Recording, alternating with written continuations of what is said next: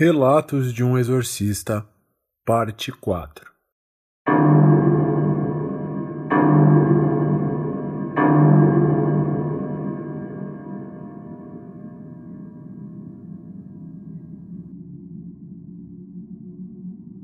Era dezembro.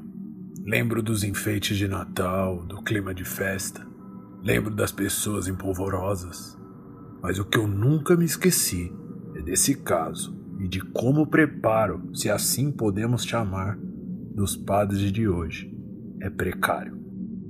Era alguma cidadezinha do interior de São Paulo, alguma dessas com universidades federais. E no fim da tarde recebi um telefonema. E aí, amigo, tudo bem? Na medida do possível, sim. Então, tem um negócio para você aqui. Tem um padre cuidando disso, mas a família tá desesperada e eles não veem melhoras há um tempo já. A grana é boa? Acho que sim, vem dar uma olhada. Manda o endereço que eu tô indo. Me preparei e peguei a estrada. Duas ou três horas no meu Fusca e estava lá. Era uma pequena chácara afastada da cidade. E a vítima, um garoto de 20 anos. Ele estava muito ruim, desidratado, fedendo, cheio de feridas e hematomas. Quando cheguei, os pais me receberam e o padre que estava cuidando do exorcismo veio falar comigo. Ele estava claramente abalado. Era a primeira vez que vi alguém possuído. Era um cara jovem, estava com olheiras, cabelo desgrenhado, com certeza já estava sendo obsediado. Já veio perguntando minha paróquia, onde eu me formei e aquele blá blá blá todo religioso. Um amador, é claro. Nem me deu o trabalho de responder. Só disse para ele ir para casa e deixar o trabalho comigo. Mas ele se recusou e disse que ficaria até o final.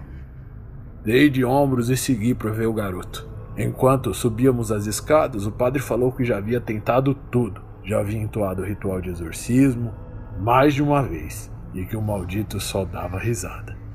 Segui para o quarto em silêncio e ao entrar o demônio riu e disse: Padre, você de novo recebeu minha visitinha na noite passada. O padre suava, ignorou, olhou para baixo e começou a rezar. Fui direto nos pertences do rapaz e deixei o demônio tagarelar, ofendendo o padre que claramente estava abalado. Folhei alguns cadernos, anotações do rapaz e notei que era um estudante de história. Ele estava se aprofundando demais em mitologia suméria. Havia algumas anotações sobre os Azaku, um tipo de demônio babilônico. Eu sabia que não era coisa pequena, que a fraqueza de cada um deles variava bastante. Abri as cortinas e o maldito berrou, estremecendo a casa inteira.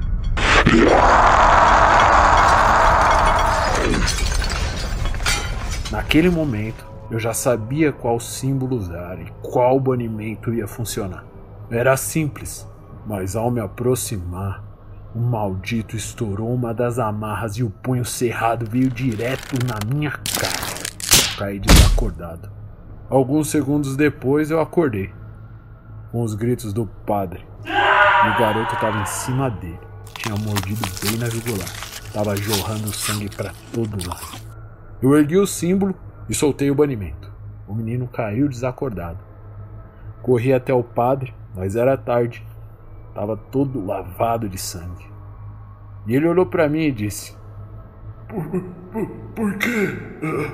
Por que o ritual não funcionou? Por que Jesus não atendeu as minhas preces? Por que Jesus não me ajudou? Eu olhei para ele, tentando estancar o ferimento em vão, e disse: É porque Jesus nunca leu a Bíblia, padre. E essa foi a última coisa que eu disse para ele antes dele morrer. Eu fechei seus olhos, me levantei e fui embora. Até hoje eu levo isso comigo. Jesus nunca leu a Bíblia. E ah, eu nunca mais esqueci de checar as amarras também. Essa foi mais uma daquelas que entra para minha conta.